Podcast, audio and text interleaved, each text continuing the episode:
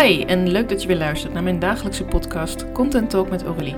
In deze aflevering deel ik een interview met Sander van Merendonk. Sander is zelf blind en deelt in zijn podcast de gestructureerde chaos over zijn leven en hoe hij bepaalde dingen aanpakt. Hij bespreekt bijvoorbeeld thema's zoals digitale toegankelijkheid, maar ook hoe hij bepaalde uh, ja, gewone dingen doet, zoals naar de supermarkt gaan of over straat lopen. Zodat jij en ik, uh, of je nou wel of niet een beperking hebt, uh, daar ook wat meer over kunt weten, wat meer over kunt leren. En ja, ik vind het heel mooi om met hem in gesprek te gaan en ook wat lessen mee te krijgen hierover. Een boeiend onderwerp en ik denk ook een leuk gesprek. Dus veel luisterplezier met Sander van Merendonk. Hi, leuk dat je weer luistert naar mijn dagelijkse podcast Content Talk met Aurélie. Vandaag heb ik uh, wederom een interview gepland staan, dit keer met Sander van Merendonk. Sander heeft een visuele beperking en heeft ook zelf een podcast daarover, Gestructureerde Chaos, waarin hij uh, eigenlijk mij en andere luisteraars meeneemt uh, hoe het is om met een uh, beperking toch gewoon je normale leven te kunnen leiden en ja, op straat te kunnen oversteken, vond ik een mooi voorbeeld. hoe dat nou precies aanvoelt, boodschappen doen, maar ook het gebruik van websites. En dat vind ik ontzettend interessant, omdat ik vind dat ja, de communicatie, zowel online als offline, moet voor iedereen toegankelijk zijn. En ook voor mensen die misschien een beperking hebben of op een andere manier niet zo handig zijn met internet bijvoorbeeld, ja, is het wel belangrijk dat iedereen mee kan komen in onze maatschappij. En ik vind het hartstikke leuk, Sander, dat ik daarover met jou in gesprek mag gaan vanmorgen. Eens gelijk, ja. het is sowieso inderdaad wat je zegt heel belangrijk dat iedereen gewoon kan meedoen. En het is sowieso natuurlijk ook, uh, ook vastgelegd in het VN-verdrag. Het, het is ook sowieso een verplichting. Ja, nee, dat lijkt mij ook wel dat het gewoon een mensenrecht is om mee te mogen doen in, uh, in de maatschappij. Maar soms zijn we toch nog wat onhandig daarin. Uh, ik vind altijd dat voorbeeld van mensen die een brommer of fiets parkeren op, een, uh, op zo'n, ik weet niet hoe dat is, zo'n ribbeltjestrook op het station of op de stoep. zo'n speciaal pad waar mensen die slechtziend zijn makkelijk de weg kunnen volgen ja, het zijn van die hele kleine dingen die je kunt doen om het voor iedereen makkelijker te maken. Maar het gaat vandaag over jouw podcast, Gestructureerde Chaos. Wil je daar ook meer over vertellen? Waar gaat je podcast over? Nou, in principe heb je het al net uh, heel goed ingeleid. Het gaat in principe erover uh, hoe je als visueel beperkt, of in mijn geval blinde, even voor de duidelijkheid. Ik ben geboren met een oogaandoening, met een makkelijk woord kokenvisus. In principe kun je het vergelijken met een wc-rol. En in mijn geval is het dus ook progressief. Wat inhoudt dat ik op dit moment met rechts goed, volgens mij niks meer zie. En met links nog, ja, wat zal het zijn? Minder dan 1% of zo. En dan ook nog in een klein rondje heel wazig. Dus principe zeg ik meestal tegenwoordig dat, dat ik blind ben. Dat is wel uh, lastig soms, maar ja, het is beter dat dan dat je zegt dat je visueel beperkt bent. Omdat dat altijd toch wel vragen oproept wat je dan precies ziet en dat soort dingen. Oké, okay, nou dan ga ik de terminologie nu ook goed, dankjewel. en je maakt zelf een podcast. Wat zijn de, de thema's waar je het zo al over hebt? Nou, in principe gaat het over hoe het is om te leven als blinde en wat je dan tegenkomt. Vooral qua uh, obstakels, maar ook hoe je die dingen gewoon aanpakt. Omdat uh, ja, je toch merkt dat je een hoop vragen krijgt op straat. En ik ben de show drie jaar geleden, of bijna vier jaar alweer geleden begonnen.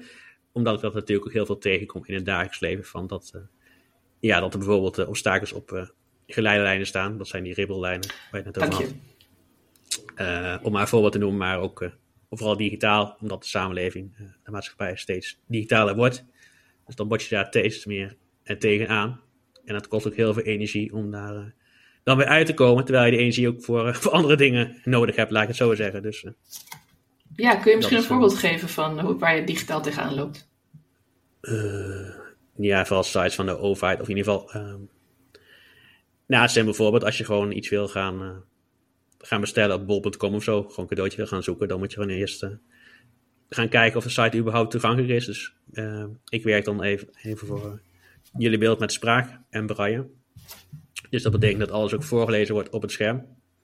En daarnaast ondersteund met braille om het woordbeeld te behouden. Ik zal nooit even goed braille kunnen leren als iemand die vanaf kinds af aan al blind is. Dat is ook niet realistisch. Maar ik gebruik dan meer als ondersteuning. Dus dan moet je eerst gaan kijken van hoe moet ik überhaupt op zo'n site navigeren, van boven naar links. Ik begin dan meestal gewoon bovenaan. En dan op die site van Bol ga ik dan eerst op zoek naar een zoekvenster, omdat je natuurlijk op zoek bent naar een bepaald product of een bepaald iets wat je nodig hebt. Daarna komen alle zoekresultaten en dan moet je maar zien uh, waar die weer staan op je scherm. Dus dan kun je nagaan dat je daarmee al, ja, ik denk zo'n 20 minuten bezig bent of zo. Dus dan zien we dat, ja, geen idee hoe lang jij daarmee bezig bent. Denk een minuut of twee, drie? Ja, zoiets denk ik. Ja, het ligt eraan, ja. Dus dan ben je al tien keer lang bezig met, met zo'n simpel iets. Ja, Ja, en hoe is dat? Je gaf dat ook de overheid aan. Is dat bijvoorbeeld uh, DigiD inloggen? Lukt dat dan wel bijvoorbeeld? Want dat wordt ook steeds meer gevraagd. Ja, nee, lukt prima. Als je maar weet hoe het werkt, maar in principe lukt het prima als je maar weet welke handelingen je moet verrichten. En wat ik me afvroeg, want nu vertel je dus over dat jij zelf tips deelt in jouw podcast. Zijn er ook instanties of, of hulp daarvoor? Voor als je dit ja, nog niet zo zelf onderzoekend bent of als je denkt waar moet ik beginnen? Kun je dan... Ja, er zijn inderdaad expertisecentra voor, voor mensen die blind of gezien worden. dan heb je het over Bartimeus en Koninklijke Fysio.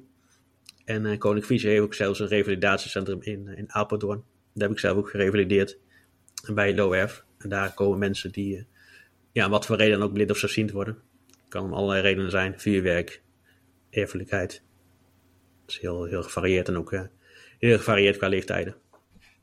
Ja, en daar krijg je ook dan uitleg van hoe kun je zo'n website benaderen en hoe werken die uh, apps of websites of...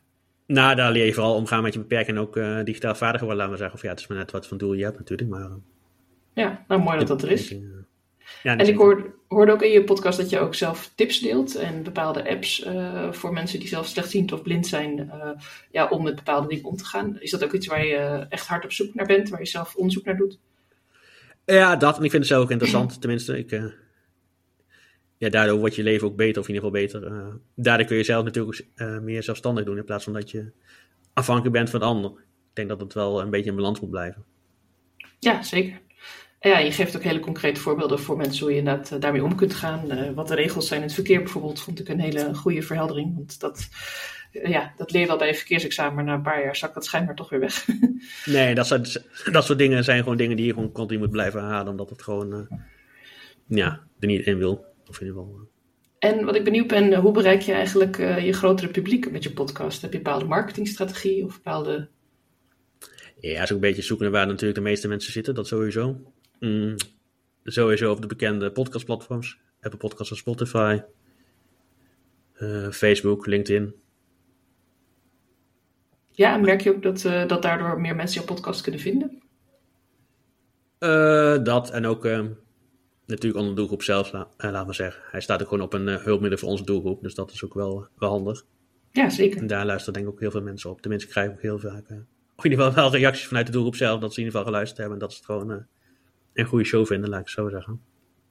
En als je kijkt naar de show in totaal, wat zou je dan zeggen dat echt jouw, jouw kernboodschap is? Of wat is hetgene wat je wilt bereiken met jouw podcast? Wat wil je graag uitdragen? Ja, ik denk vooral bewustwording dat alles, alles mogelijk is. Of in ieder geval dat je gewoon uh, in principe een normaal leven kan leiden met, uh, met welke beperking dan ook, denk ik. Alleen, uh, ja, je komt nog een hoop obstakels tegen die niet altijd nodig zijn, laat ik het zo zeggen.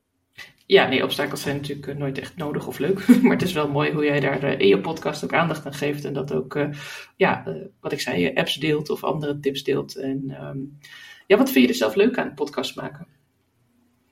Ja, vooral plezier moet blijven. En ja, van kinds af aan heb ik al dingen gemaakt of dingen gedaan. wat dat betreft radio hou ik ook zelf heel erg van. Ja, gewoon ook een stukje bewustwording creëren.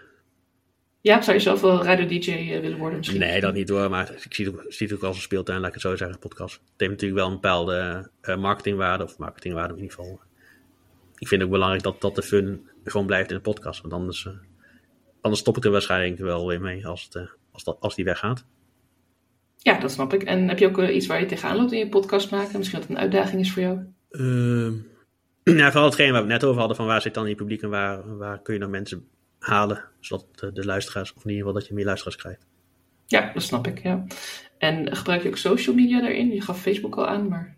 Ja, Facebook, LinkedIn, Twitter of X minder. Uh, Instagram haast niet, omdat het natuurlijk best visueel is. Je kunt het wel gebruiken, maar het is best wel visueel.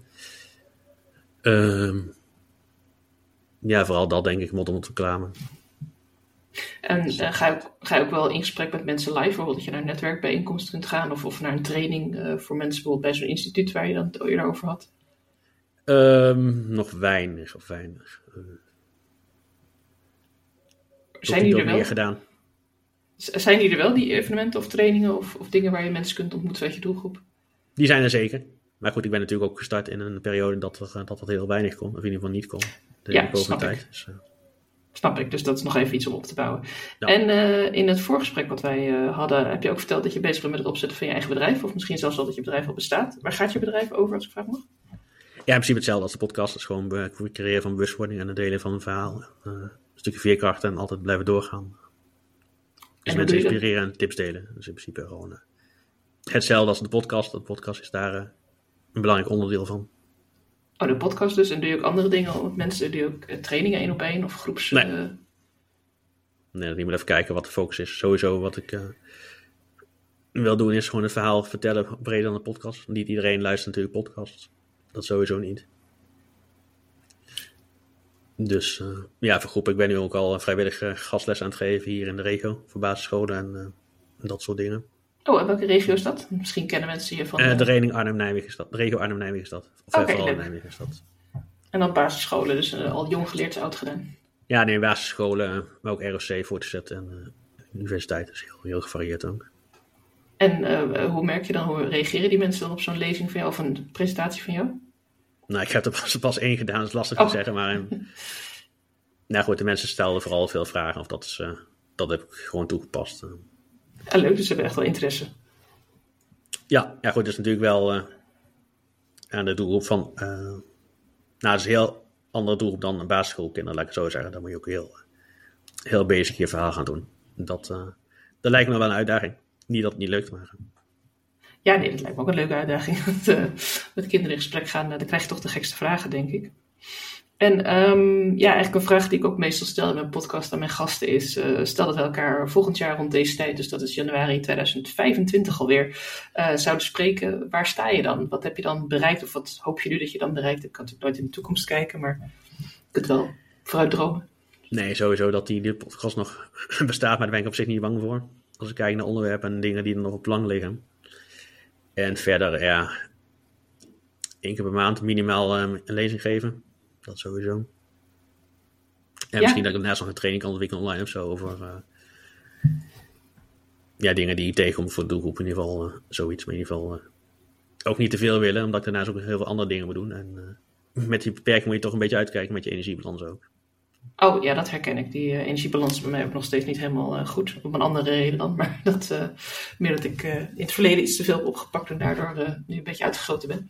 Maar ik herken dat wel. En ik vind het ook wel een heel mooi idee dat je zegt een online training. Want je kunt daar inderdaad heel veel mensen denk ik mee helpen die dan ja, niet ergens naartoe hoeven te reizen, wat ook weer lastig is. Of je kan natuurlijk in je eigen tempo doen ook. Ja, ja leuk. Zeker.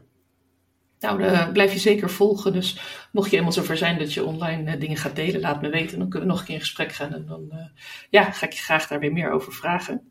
Um, nou ja, Sander, ik ben eigenlijk een beetje door mijn vragen heen. Dus ik wil je in ieder geval hartelijk danken voor je tijd. En ook wat meer informatie over, over deze doelgroep. En ja, dat er toch heel erg belangrijk is om meer te doen aan, aan ruimte geven aan iedereen. Zodat iedereen ook goed nou, ja, een cadeautje kan kopen. Bol.com bijvoorbeeld, om het heel simpel te maken. Ja, nee, precies.